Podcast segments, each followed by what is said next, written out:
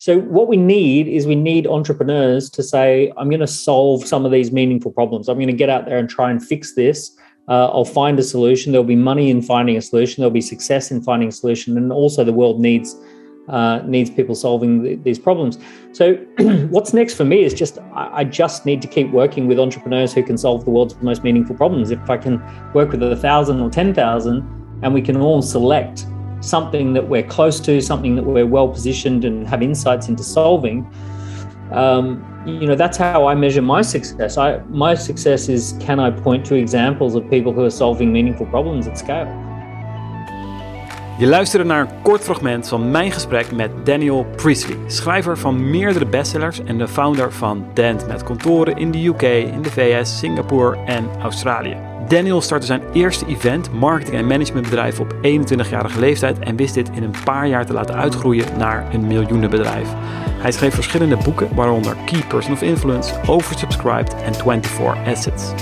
Band is inmiddels uitgegroeid naar een groep met zeven verschillende miljoenen bedrijven, elk gefocust op het empoweren van ondernemerschap. Ik leerde Dan kennen als mijn business mentor in een van zijn accelerators. Dat is een kern van zijn bedrijf waarin hij wereldwijd elk jaar weer meer dan 500 ondernemers ondersteunt. In ons gesprek neemt Daniel ons mee op zijn reis als ondernemer, die op 19-jarige leeftijd begon toen hij van dichtbij een bedrijf van de grond af leerde opbouwen onder de vleugel van zijn destijds mentor. We hebben het daarnaast over hoe dit bedrijf in no time naar, van 0 naar 6 miljoen ging in één jaar met 60 mensen in dienst. Waarom hij zijn eigen bedrijf begon en hoe hij alles kopieerde wat hij had geleerd. Iets wat hem in jaar 1 van 0 naar 1,3 miljoen bracht en 10,7 in de jaren daarna. Hoe hij nieuwe acquisities selecteert. Hoe hij overzicht houdt en ze hun zeven bedrijven met locaties over de hele wereld met ritme, eenvoud en slimme dashboards runnen hoe zijn teams zijn opgebouwd met elk maximaal acht leden. En waarom je nooit te snel moet doorschakelen naar de tweede, naar de derde versnelling als het gaat om ondernemen. En ja, Daniel neemt ons ook mee in zijn grotere visie. En hij geeft ook nog wat insight hoe hij zelf zijn vakanties het liefst doorbrengt. Blijf luisteren om net als Daniel je doorbraak te maken naar je volgende level. En ga naar 1dashboard.live als je onderweg glashelder overzicht wilt behouden met een slim geautomatiseerd dashboard voor jou.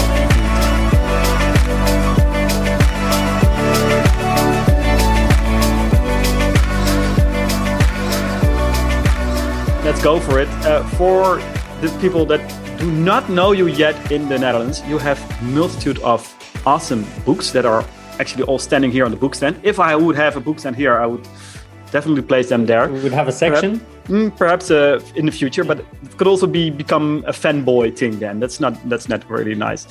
uh, but well, um, for the for the entrepreneurs in the in Holland that do not know you yet, what what are you about? And um, can you? I know you have a yeah they call it in, in your accelerators the fame uh, pitch, and perhaps you can. so yeah, I'm the CEO and the founder of Dent Global. We're an entrepreneur accelerator uh, and growth services business. Uh, we have offices in the UK, in uh, Australia, and in Toronto, uh, in Canada. So we actually operate on all three time zones. Um, the main part of the business is training and development for entrepreneurs, uh, almost like an elite tennis club or a or a um, martial arts academy, but for learning around entrepreneurship and, and applying entrepreneurship. Um, we have a group of companies that do growth services like um, film production and advertising and fundraising. Uh, and um, I'm also an investor in a fast growth technology company uh, called ScoreApp. Uh, and ScoreApp is a marketing technology business that helps uh, generate warm quality leads for people who need to have sales meetings to grow their business. I know all about those apps and I know all about those accelerators. So awesome, awesome to have you uh, have you on the show, uh, Daniel. Um, I would in this interview, I would really wanted to dive in, into into your journey because I know it started early. Um, so, what was it that made you yeah that that start that started this this this journey for uh, for you daniel yeah uh, look as a teenager i was very entrepreneurial i um, read entrepreneur related books i sold flowers door to door and had garage sales i worked at mcdonald's and i became friends with the owner of our mcdonald's and asked lots of questions about why it's a good idea to own a business. Um, and then when I was 19, I was extremely lucky. I became, um, I, I, joined a startup. I was uh, right at the beginning. And the guy who was starting the company, we were sitting around his table talking about what to name the company, right? We didn't have a bank account, we didn't have a name or a company set up. So I was right at the beginning. And uh, that business was very fast growth. So it went from zero to six million of revenue in two years. We had about uh, 60 people, big Melbourne inner city offices. Um, and I got the opportunity from 19 to 21 to uh, essentially have an experience of a fast growth startup from idea to uh, to millions. Uh, and I learned a lot. I was very good friends with the founder. We we hung out every single day. He ran all the decisions, you know, past me. We bounced ideas. Um, I would drive him to the airport and pick him up from the airport uh, almost every week. So we'd have a good hour and a half each way to to sit and chat. So I had this great opportunity um, as a 19 to 21 year old what happens with most businesses is the first uh, stage of business is generalists. Um, a lot of people who can kind of just, uh, you know, help the business with anything that needs doing. And then as the business hits a certain level of success, along comes some specialists, people who really are good at what they do and they specialize in something.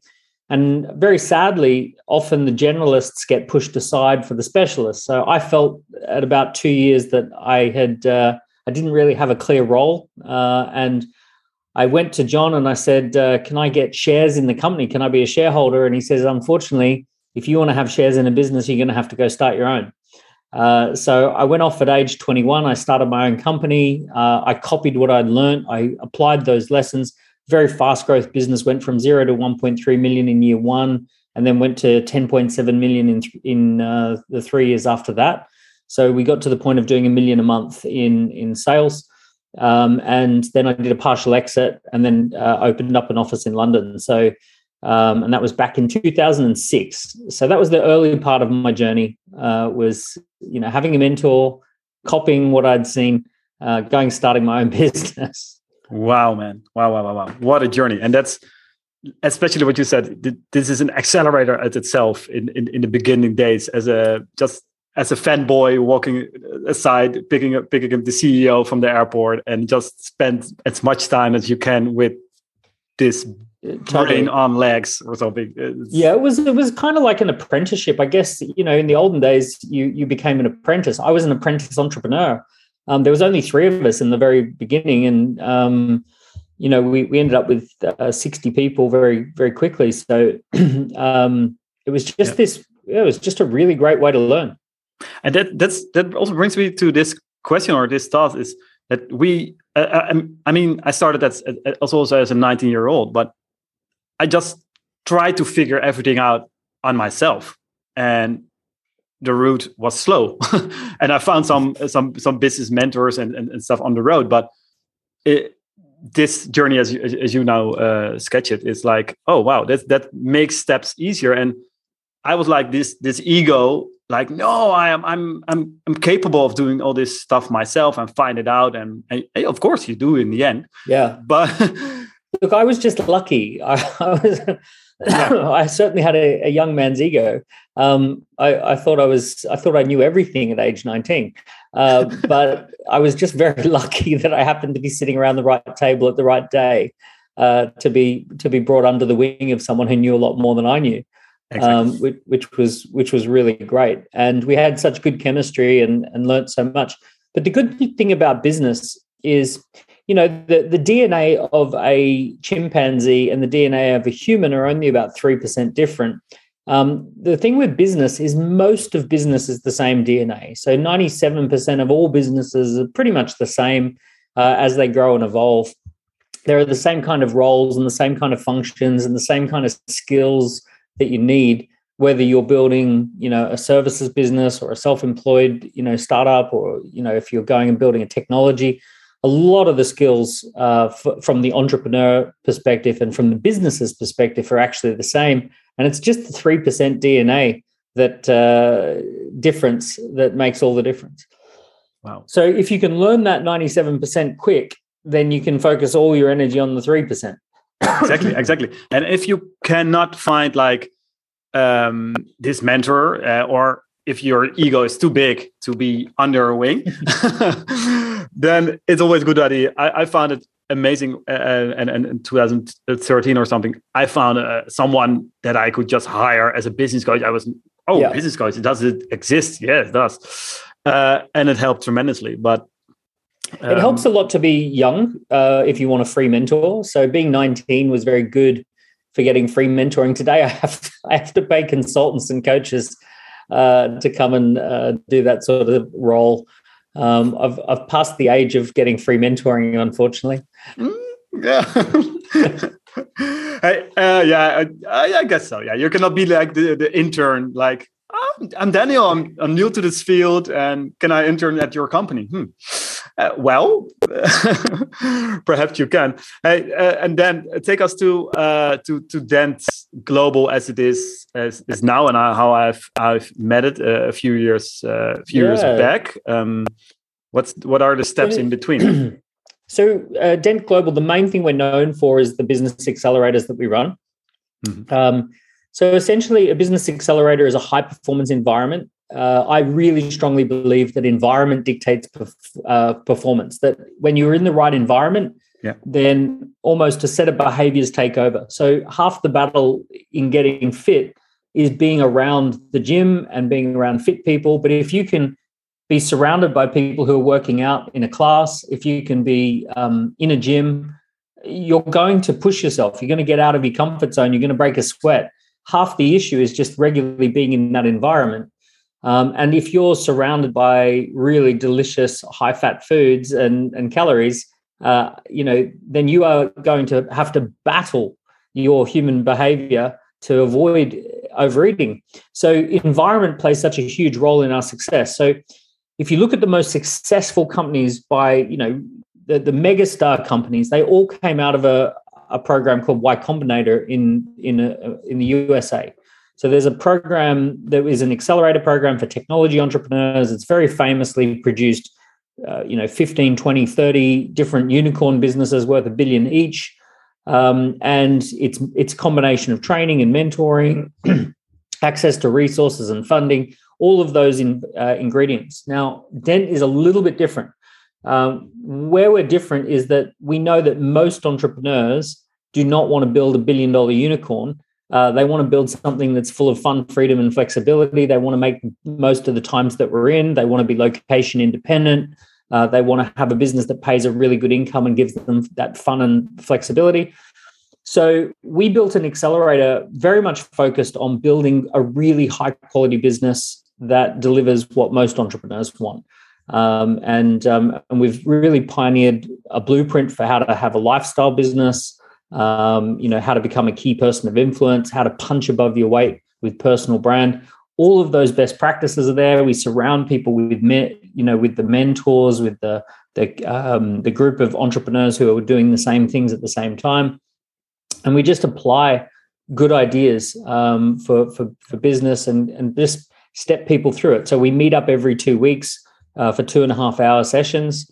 Um, and in the two and a half hour session, we do the work, we get something done, we set some homework for the next two weeks, so that so that we just maintain that momentum.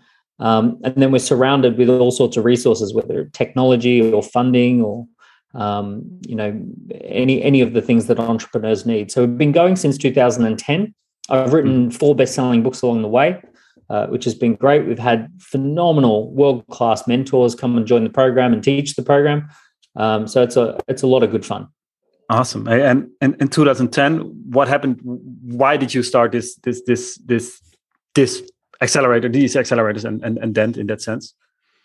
Uh, prior to the global financial crisis, uh, 2008, 2009, I had a marketing agency business that was um, working with top entrepreneurs from around the world to bring them to London and launch their businesses in the UK. Right, so that was my that was my main business, sure. and um, we were very affected uh, in two ways. Number one, one of our main clients from the USA uh, was um, uh, the the ratio of pounds to dollars uh, shifted so dramatically that we couldn't really continue the the business.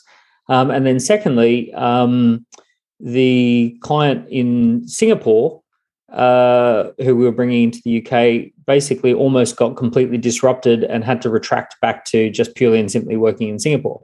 Hmm. So I I went from four million of revenue down to four hundred thousand of revenue by losing my two biggest clients. Um, and I went through and did some soul searching. I thought about selling the business. And when I went to sell the business, the consultant said to me, There's not really much to sell. You haven't developed any assets that you own. Your business, he said, your business is a brokerage model business, which is you broker other people's value and bring them into the UK. Um, but you don't own the asset, they own the asset. And um, even though you were doing 4 million of revenue, uh, essentially it was reliant upon someone else's assets. And that really stuck in my brain. And I went, hmm, okay, I need to mm. change this. And I sort of asked some questions like, what should I be doing? And they said, well, you need to be the one who has a personal brand. You need to build your personal brand rather than promoting other people's personal brands. And number two, you need to develop your own assets, your own intellectual property and your own software and your own products. So I went to work on, on that journey and I pivoted my business from promoting other people's stuff to creating our own stuff and promoting our own stuff. And um, and we we launched something called the Key Person of Influence program. I wrote about something I knew a lot about, which was how do big personal brands function because I was working with them. Um, how do they process business opportunities and how do they make the most of their personal brand and what do they what do they actually do to grow their personal brand so i took all that knowledge put it into a book called key person of influence launched something called the Key Person of Influence program, which was just a six month program that we we did off the back to implement, and um, and it was a huge success. It filled up on the first event. Um, we then booked a six month waiting list for for the programs. Um, we started running some bigger events. We ended up in theatre auditoriums with 600 people in the auditorium. Uh, it then took off globally, where we had Sydney, Melbourne, Brisbane, Singapore, Toronto, Tampa, Florida uh, Birmingham, London. So we were running these big events all over the world. The book became a big best-selling book, Key Person of Influence, um, and it just evolved into a, a, fully blown entrepreneur accelerator. Rather than just a little program, it turned into a uh, you know the the full box and dice, uh, as they say. Wow. Wow, wow, wow, wow. And now I also know some it gives gives me some seeds or it, it, brings me in sync with your latest book I, or, or, maybe your last book 24 assets i'm not, not sure if it's your last no of course 24 assets was about those digital assets yeah um, so yeah. Uh, it turns out that there's the same and now i've gone and built uh, half a dozen businesses um, so i've worked on i've now launched and grown business uh, I've had three companies go north of 10 million in, in valuation. I've had six companies go north of a million in revenue in their first 12 months. So it's um, it's a process. There are certain assets that you need to put in place, and I've just some of it I was doing intuitively, but as soon as I sat down and started codifying it, I kept coming back to these same seven categories and and three or four assets per category, and there's 24 of them. And the more you build those assets, the more the business just scales. Um, so, for example, you um, there are some brand assets. So there's a brand identity, brand personality, or, or philosophy, and uh, brand ambassadors. Those are the three big ones. And then you've got um, what's called market assets. So you have to have some assets for positioning, some channels to market, and some data. So um, it talks about in the book 24 assets. It just talks it through and says these are the 24 things that matter most uh, if you're going to put together a, uh, a fast growth business. So make sure you do these 24 things. Yeah. Sounds like a lot of things, but the payoff is huge. Yeah, and it's it's something you can work on wow i mean it's it's it's yeah. a step by step process and yeah the more you get the bigger the business gets so you can start with a few core assets and then add more every year um, and keep refreshing them and refreshing them and and um, and the business will grow as a result exactly so yeah, so very much um, it's been used by a number of companies now. One company we were just working with went from two million a year to twenty million a year. Um, sorry, two million a year to two million a month. So twenty-four million a year. Yeah, twenty-four so, assets, twenty-four millions. Uh, yeah, twenty-four awesome. million. and now you bought a book for him with a twenty-four million a year. Huh? Yeah, uh, yeah exactly. awesome, awesome. And this this consultant, two thousand ten. He's this this one sentence he said to you, Daniel, come on, you, are not building yeah, your said, you're, you're you're not building assets. Yeah, this, he said this, income follows assets. Yeah, he said um, valuation follows assets. Income follows assets. He goes, "You these are not your assets. You don't own them. You got to own the assets. If you don't exactly. own them, you'll just be a broker." But in the decade, yeah, well, we've now done this across. I, I mean, I've bought companies and we put the 24 assets in those companies and they grow and um, yeah, I mean, we launched a startup uh, last year or in 2020, and um, uh, it's now worth over 10 million pounds uh, on the on the latest fundraise. And um, uh, wow. you know, yeah, it's it's a fast growth. How fast do you select startup. those? Because I know about ScoreApp. The ScoreApp was something you were actually already using by yourself, right? It's it's it's maybe yeah. built for you, and then you oh wow, man, this is something we should show the world, huh? yeah, yeah, yeah. So it was an internal piece of software we built for ourselves, and then we turned it into something that everyone else can use, and it's been it's been great. It's been hugely successful for, for, the clients.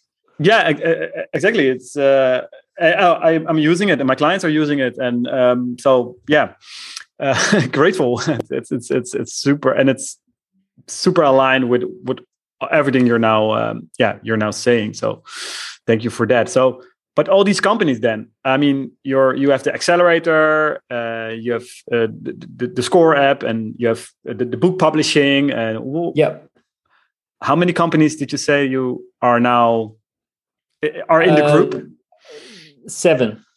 Seven. And, and yeah. man so we're the biggest book publisher for hybrid hybrid book biggest hybrid book publisher in the uk we published about 100 books last year. Um, we uh, we returned something like i think it was well it was like 200000 we sold over 200000 books um, retail sales on on like our our books so like uh, yeah we have got that we've got the film production business um, We've got uh, IT services and uh, cool. Copy yeah. IA, Copy IA. What is it? Uh, uh, or is copy, your... Copy.ai is a angel investment that I made. So Copy.ai, I, I just I was one of their early stage angel investors. Um, but they've just hit a million customers, and they have hit uh, their last raise was 66 million valuation. Um, and I was an investor back when they were worth less than five million. So it's gone 12x in in two years. That's been a great angel investment. Wow, wow, wow, wow. man. So this is, but how how do you select those? I mean, is it growing? Uh, do you do you do you uh, think about uh, buying into more companies or setting up more uh, more companies yourself? Because I, I I know you love concepts and and growing concepts and and yeah, I mean brainstorming about them. I guess. So for me, um, everything has to come back to a central theme. And for me, my central theme is develop entrepreneurs who stand out, scale up, make a positive impact in business.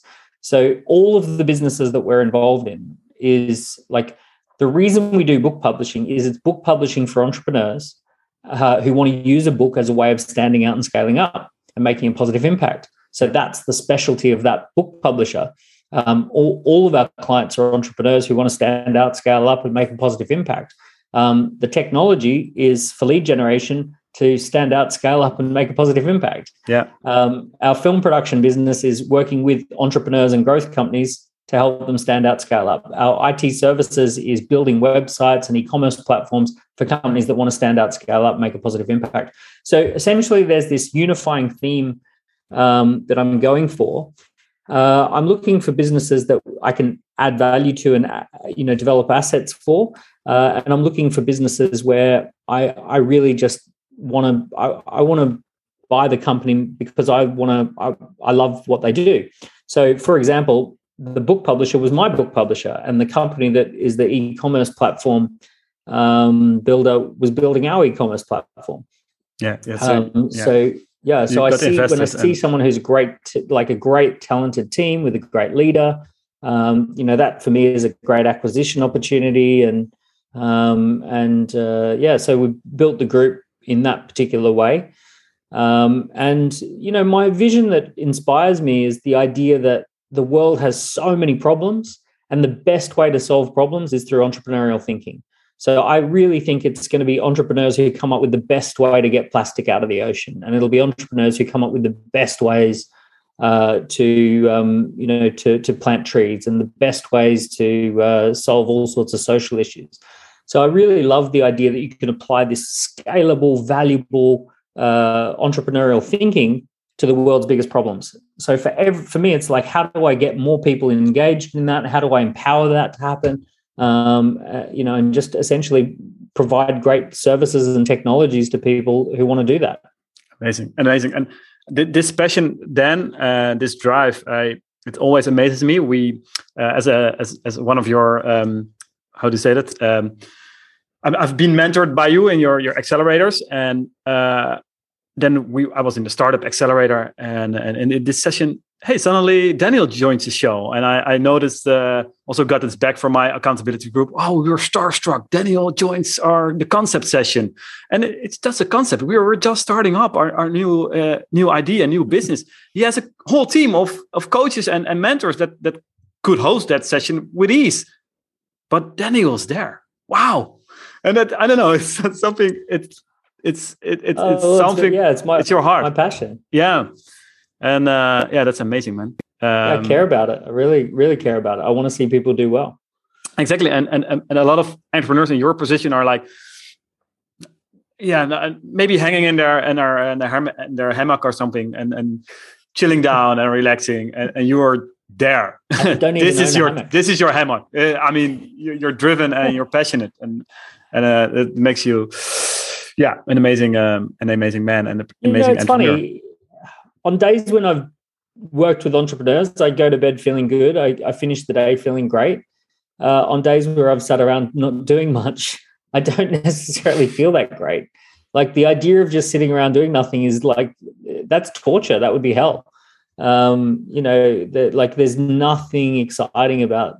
I go on holiday and I sit sit there on the side of the pool reading a business book, and uh, yeah uh, you know i yeah I, I, I take a bit of time out but by the time a week or two is up i'm like ready to ready to get going you need a workation yeah yeah i like i just love what i do yeah I, I get that feeling i get that feeling but now you could of, co- of course do a clubhouse huh? Uh, by beside the beach and and and still entertain thousands of people that just can blend the two yeah exactly yeah, yeah. Right? and then your wife's like dan come on yeah. yeah. Oh man, awesome man, awesome man. And what what's next? What do you have online for us in the next couple of uh, couple couple of years? What are what are, you up to um, in in for the future?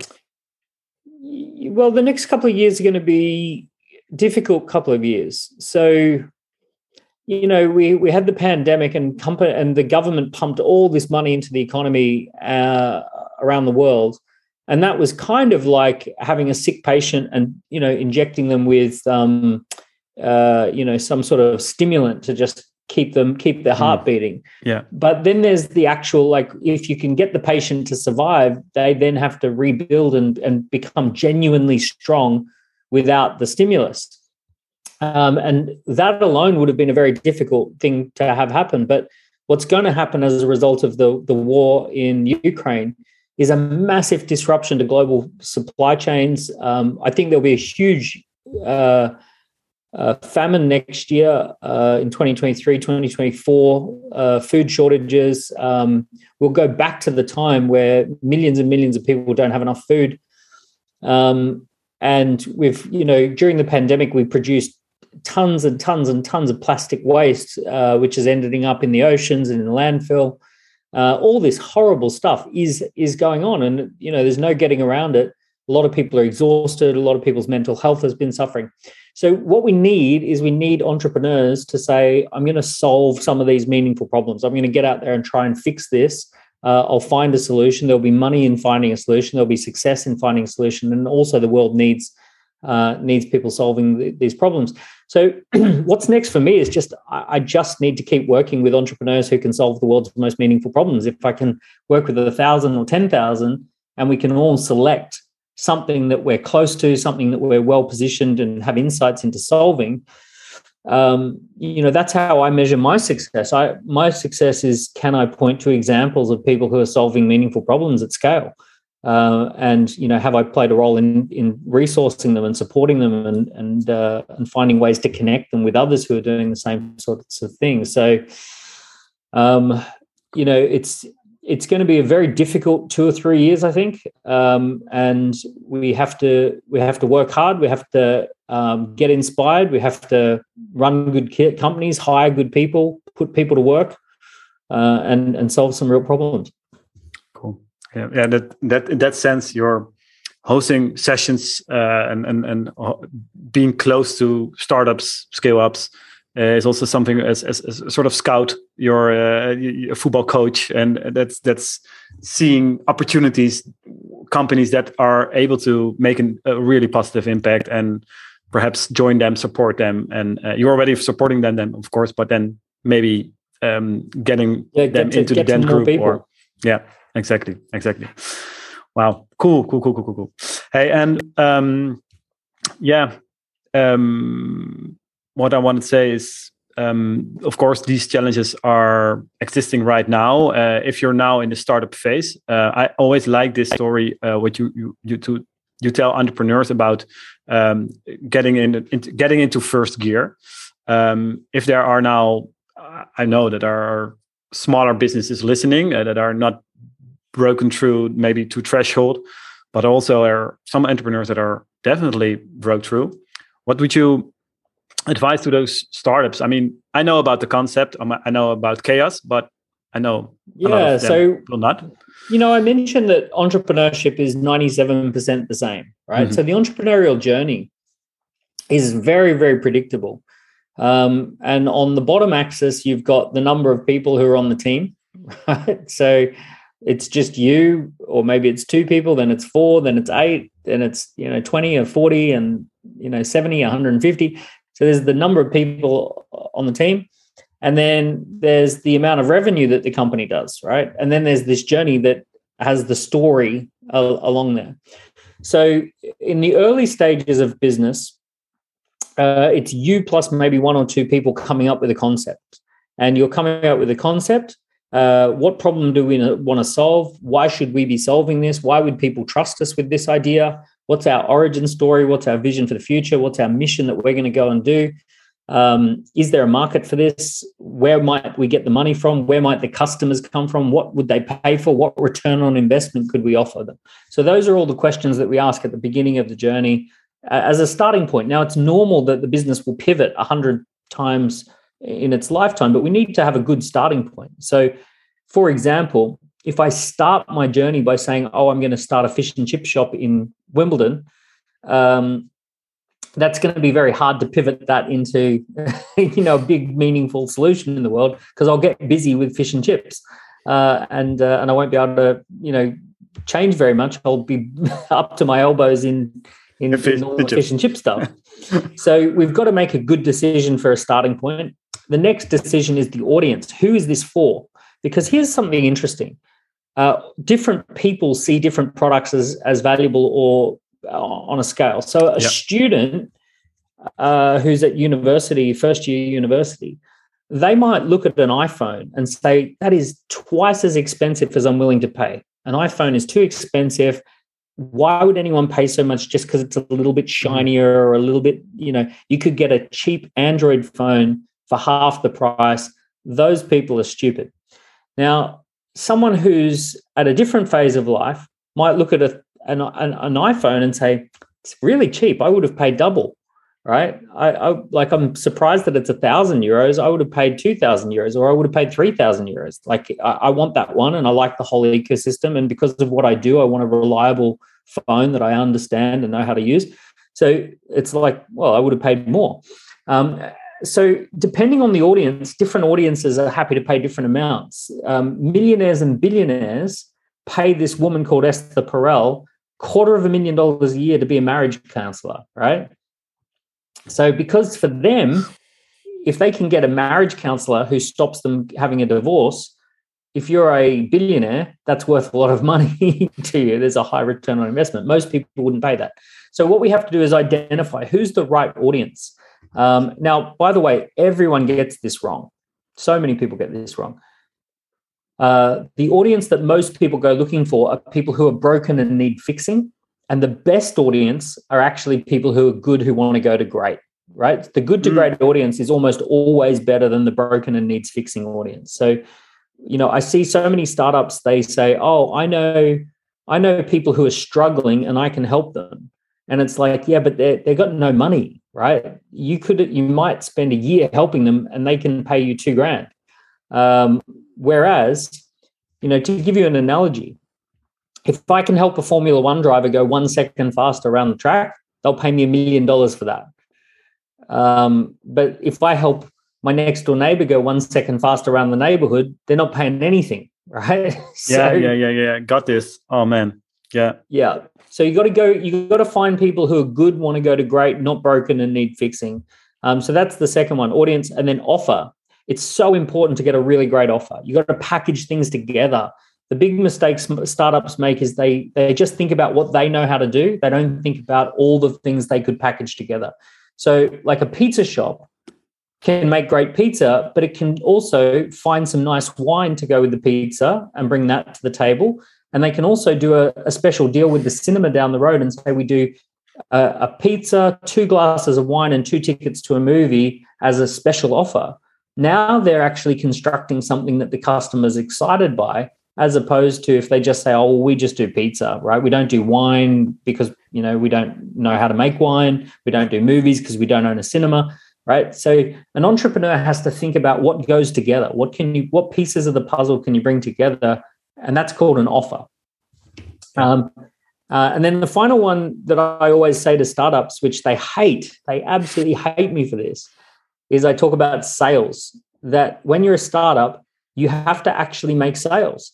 Now, what do most startups want to do? They want to put up a website and they want to wait till the inquiries come in. It will come. yeah, yeah. I'll click the button, you know, click the buy hmm. button, and then I'll start doing the work. And here's the problem: there's two types of buyers. There's people who have an explicit need, where they know they want something and they're looking for it, and there are people who have what's called a latent need. A latent need means that it's below the surface. So, for example, an explicit need might be I'm searching for a personal trainer to help me get fit. A latent need means I'm a bit frustrated that I'm not as fit as I'd like to be, but I'm not looking for anything. Right. So I've got the frustration, but I'm not looking. Now, anyone who's explicitly looking, they always, always, always go to an established provider, someone who's been up and running for several years. They've got five star reviews, they've got all of that. And someone who has a latent need, which means they've got a frustration, but they're not looking, they're open for a sales presentation. They'll, they'll, they'll talk to someone about the frustration and they'll be open for uh, a recommendation. So when you're starting a new business, you have to be good at sales. Going back to my very first experience with John, my mentor when I was 19, what was the first skill that he got me to work on? Number one was appointment setting picking up the phone 70, 70 times a day and setting appointments, right? So I worked with one of the other salespeople, and my job was to call people and say, Can I book you a time to talk to Julia? Right. So I was just booking appointments for Julia for three months. And then the next one was, okay, now you can book appointments for yourself and you can make some sales right? This was a this was i had to do this and all the other things john was getting me to do as well right? Because i had asked him i want to i want to be like an entrepreneur. He said great i'm going to give you 70 hours a week worth of stuff. Um, so you know he just threw it at me. Uh, so so sales was like sales was my first 12 months just sell sell sell sell sell. He would send me on a plane up to cairns to make sales he'd send me down to sydney to make sales uh, I would sit in a hotel, I'd get a hotel room for a week and sit in the foyer and do back to back eight meetings a day, face to face, morning till evening. Um, and it was all sales, sales, sales. And he said, entrepreneurs sell, they know how to sell. Um, so you're going to have to learn how to sell. Exactly, exactly. And this is this is in this loop and and after that you can go to second gear maybe have an appointment setter or yeah have a system in place or next step but in the first maybe years or uh, yeah, the first hundred thousand of revenue. Yeah. Certainly the first hundred grand. So and um, maybe maybe one hundred to two hundred grand. It's very much a good concept, meets a good audience, meets a good offer, meets a good sales script. Yeah. Yeah. Um, those are the big four. After this, that, exactly this is how i lost it or how i lost I sometimes lose it or a lot of other, other entrepreneurs i see lose it. It's that they're already trying to take steps that are perhaps needed in when you're in sixth gear or something you can hey yes that's interesting then to scale up. But now you have nothing to really scale up in that sense. Yeah uh, of, of course. Look if if you're an amateur tennis player and you watch roger federer and you think okay i need to throw the ball right up high and i need to smash it as hard as i can and that's that's how i'm going to start my game we you're never going to get the ball in the other side of the court you know frustrating Exactly. You need to learn how to just get the ball to land at least directionally in the right spot first. Um, so you have to do the do some of the basics before you can uh, you know before you can go to those advanced moves. Same in entrepreneurship. We see someone who's driving a Ferrari and we go, I want to be like that person. Well, what do they do? Well, they're doing like Facebook lives and Instagram lives, and they're doing uh, they've got beautiful branding and they've got an e-commerce website um, they've got products and they've got a huge range of products and services. You can buy stuff right there on their website. You go to their website and buy something. So you're looking at all these things and you think to yourself, oh, okay, well, I need to get a beautiful brand and I need to have a website where people can buy things. I need to do content every day and I need to do a Facebook Live. It's like, dude, no one's watching, right? it's like your mother is the one view that you're getting. Oh, son, you're doing so great. Where did you just get this Ferrari from? Yeah, from our cousin John? you've got three viewers on your Instagram live, and it's the three people you used to work with who are now laughing at you, sitting there going, What is this guy doing? Why did yeah. he quit his job to go and do Instagram lives? So, uh, you know, so these are all advanced moves that you can do once you're past the first part. You know, these are these are um, you know we've got to start with with the basics. No one likes to start with the basics. The problem with being an entrepreneur, here, let me yeah. tell you, the problem with being an entrepreneur. An entrepreneur is typically the person who starts something, right? I, I actually don't necessarily think of entrepreneurs as a person. I think of it as an energy or a spirit, right? Entrepreneurial spirit is something a team gets, right? And the person who starts something is a founder. They launch the business, set up a bank account. And the type of person who's good at that and who can kind of just get things going, they're normally a pretty strange person like myself. And um, and they do a lot of hands-on dirty work to get the business going. Uh, and normally they get exhausted by the time you get to about a million of revenue. So zero to 100 grand, 100 grand to a million, that's really that's just proof of concept. The the entrepreneurs who make money, it starts from one to 10 million. and the entrepreneurs who get rich, it's the 10 to 100 million jump that, that really makes you the most amount of money. So the value creation is not the early days. The early days is just you you know the first base when you hit about a million of revenue and you've got a few people on a team. Really, the big payoff is that you can pay yourself what you would earn in a job, right? So you might have been on a hundred grand a year at your job, and now you've gotten to the point where you can pay yourself, you know, seven or eight grand a month, and you go, great, you've done you've done all that work of non not being paid. Then you go from one to ten million now you're getting income plus profit. So you're probably paying yourself what you'd earn otherwise, like a hundred grand a year. Plus, you might earn a hundred grand a year from the profit of the business. So you, have doubled your income. Maybe you get two, three hundred grand a year in, in profit. So now by the time you get close to 10 million, you've now got profit plus income. Um, but you're not you're not rich yet like you you know you're doing okay things are things are going pretty well and you've got cash at bank you've got reserves but you've also got bigger overheads. So you know when an entrepreneur has a million in the bank in their business they probably have quite a big payroll and they can't really just pay that million out because they need that million turning over to, to iron out the ups and downs. So it's it's it's not real money. It's just cushion money um, that that they have so it's around the 10 million mark where you get a private equity firm come in, and the private equity, they've got huge funds available. They come in and they let the entrepreneur take some money off the table and buy a house and, and diversify. And then they come in and they say, here's some money in the business so you can go up and um, and, and go up towards 30 million, 50 million, 100 million, right? So they're going to, private equity is going to back you for the 10 to 100 million jump. They'll bring in all the grown ups. They'll bring in a COO and a CFO and a CTO and a CMO. Uh, they'll bring in some other experienced entrepreneurs to be non-executive directors. They'll put money in there. They'll help you to hire more specialists, get rid of the generalists. All of those things start happening once you're private equity backed.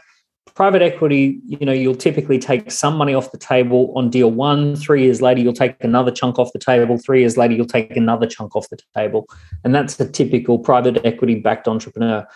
So it's very often the case that most entrepreneurs we think of as the person who started the business, but the actual the, the glory and the money, uh, the glory goes to the person who started it. The real money and the the success goes to the people who scale it. Um, that's that's where that's where the success really happens. Wow. Yeah, yeah. Uh, can relate and and car can totally understand what you're what you're talking about. Um, maybe a few last questions because we're running into the end of the our our time together uh, at, at, at, this, at, this, place for uh, of course not in real life huh? Uh, maybe in the dentiverse but uh, we'll see about that. And that was a good joke. Last year it was something about the imposter syndrome or something? Yeah we had a vaccine for imposter syndrome. Uh, yeah yeah that was that's something everybody needs as, as well. Yeah. And especially in our field. Hey um all these businesses that you are around now running i was i was wondering because of course i'm also in that in that field of getting some clarity on everything what that's that's running for you especially in the field of um, businesses that are grown to uh, grown to their first million. Um, they see they, they're using the scale up uh, skill scorecard. They're using google analytics. They're using facebook. They're using all kinds of software to track their labs. Um, and i was wondering how do you keep overview of everything that's going on in all your businesses uh, then? How do you oh, great question. So yeah. So we we have a system that we've developed for running the businesses which is a big part of how we do seven companies at once um, so it involves having a quarterly reset every 90 days we do a half day um, reset where we bring the teams together and we refocus the vision mission values um, we do where do we want to be three years from now, one year from now, 90 days from now? Then we break it down into pieces and we put accountabilities next to each name. Uh, the company has its own dashboard, which is are we on track, off track, or done? And then the sub teams have their own dashboards, and then every individual has got their own dashboard. So essentially, a, a, big business, the top company will have a dashboard that relates to what the top company is trying to achieve uh, one of the sub brands will have its dashboard as to what it's trying to achieve next, and then the individuals running that all have their own dashboard. So um, that's the 90 day reset. and then we have the weekly check in. So the weekly check in Monday morning is a team huddle uh, within the teams. It's only a team huddle with typically about eight people. Um, so everyone's in the team of eight. Monday morning, uh, we establish what we call the three to six. Three to six is what is the three to six most valuable things that I can be doing this week um, to advance my dashboard. Um, we do something called locking horns. Locking horns is where everyone else suggests something else that they think would be even more valuable and tries to help shape someone to, to become more valuable. And then Friday afternoon is did I get done the three to six things? Like the three to six things I said I was going to do this week, did I do them? So everyone goes around and ticks off what they did or didn't do um, and then that's the end of the week. So we have these kind of rhythms in the in the businesses: the quarterly resets, the weekly three to six. Um, uh, we have uh, two to four asset sprints per year per business. Um, so it's all very much mapped out and plan, planned out like a grown up like a grown up business, right? Yeah, um, yeah. Yeah, and I know you with your calendar, of course, with the big campaigns or you the yeah. Uh, every the, team has got its own campaign plan. It's got its perfect repeatable weeks. Um, yeah, we. I mean, it's it's tricky when you run seven companies. You've got to be really disciplined across seven businesses. You got to do you got to do everything right times seven. Um, and uh, but once you've figured out a formula for doing that, you can totally do it. It's it's totally achievable. You bring the right people in, they love it. They love doing that stuff. Yeah, um, and, it gives everyone a lot of certainty and and all of that. It's the rhythm. It's sticking to that to that rhythm, having that discipline to stick to it, I mean, missing some Monday meetings will eventually erupt in just doing something and not having that that, that focus on those three or two to, to six uh, to six most important uh, value adding uh, adding tasks, of course. Wow, that's that's nice also to hear, and also that Longhorn um, shot that other team members can give you. And I know you you told me or you had a webinar or a presentation about it, but this eight, this number eight in the meeting, what what was it about? The number. Um, oh, um, why not yeah, ten? so yeah, so when I one of the things I really admire is the military. I, I admire uh, the way that they, you know, have lots of people who are under a huge amount of pressure and they have to organize team and technology, and um, they've been doing it 400 years. So, like, you know, the the army, the navy, there's a lot to learn from those organizations, um, and they've evolved across hundreds of years. You know, they're some of the longest uh, standing uh, organizations in, in the world. So, one thing I've noticed about the army is that they never have one person acting by themselves. It's always a two person team, which they call a scout team. Um, then they have a four person fire team. Then they have an eight person section. And then they have about a 30 person platoon. Uh, and then it goes up and up.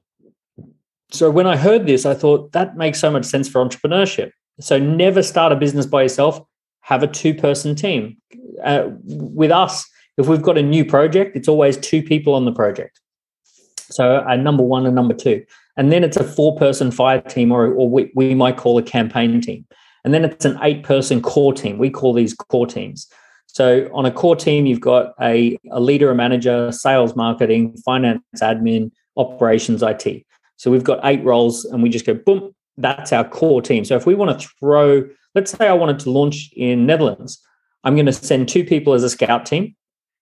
Um, and then I'm going to send four people as a fire team, uh, campaign team to launch a campaign to, to basically launch and do the first half a million of, of revenue. And then I'm going to build that to an eight person core team. Uh, and that will be the core team responsible for the Netherlands. And then they'll grow out from there, but there's going to be that core eight. And then they'll build out a platoon. But the core eight is is going to be the uh, the, the, the main driver. The, yeah the main driver the engine room of, of that. So um, yeah essentially we just we duplicate those kind of like all, of all the businesses we've got a leader manager sales marketing finance admin operations it so every those eight the core team is always in place. Cool, cool, cool.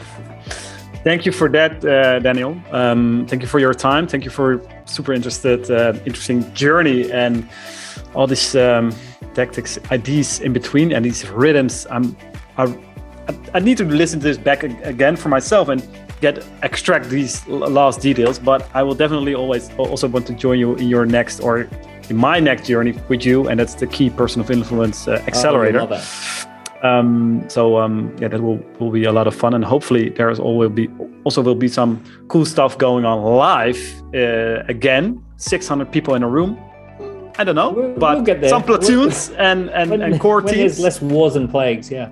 Exactly, exactly. That yeah, yeah, that will be nice. Thank you, Dan. Um, talk to you soon, man. Thanks so much.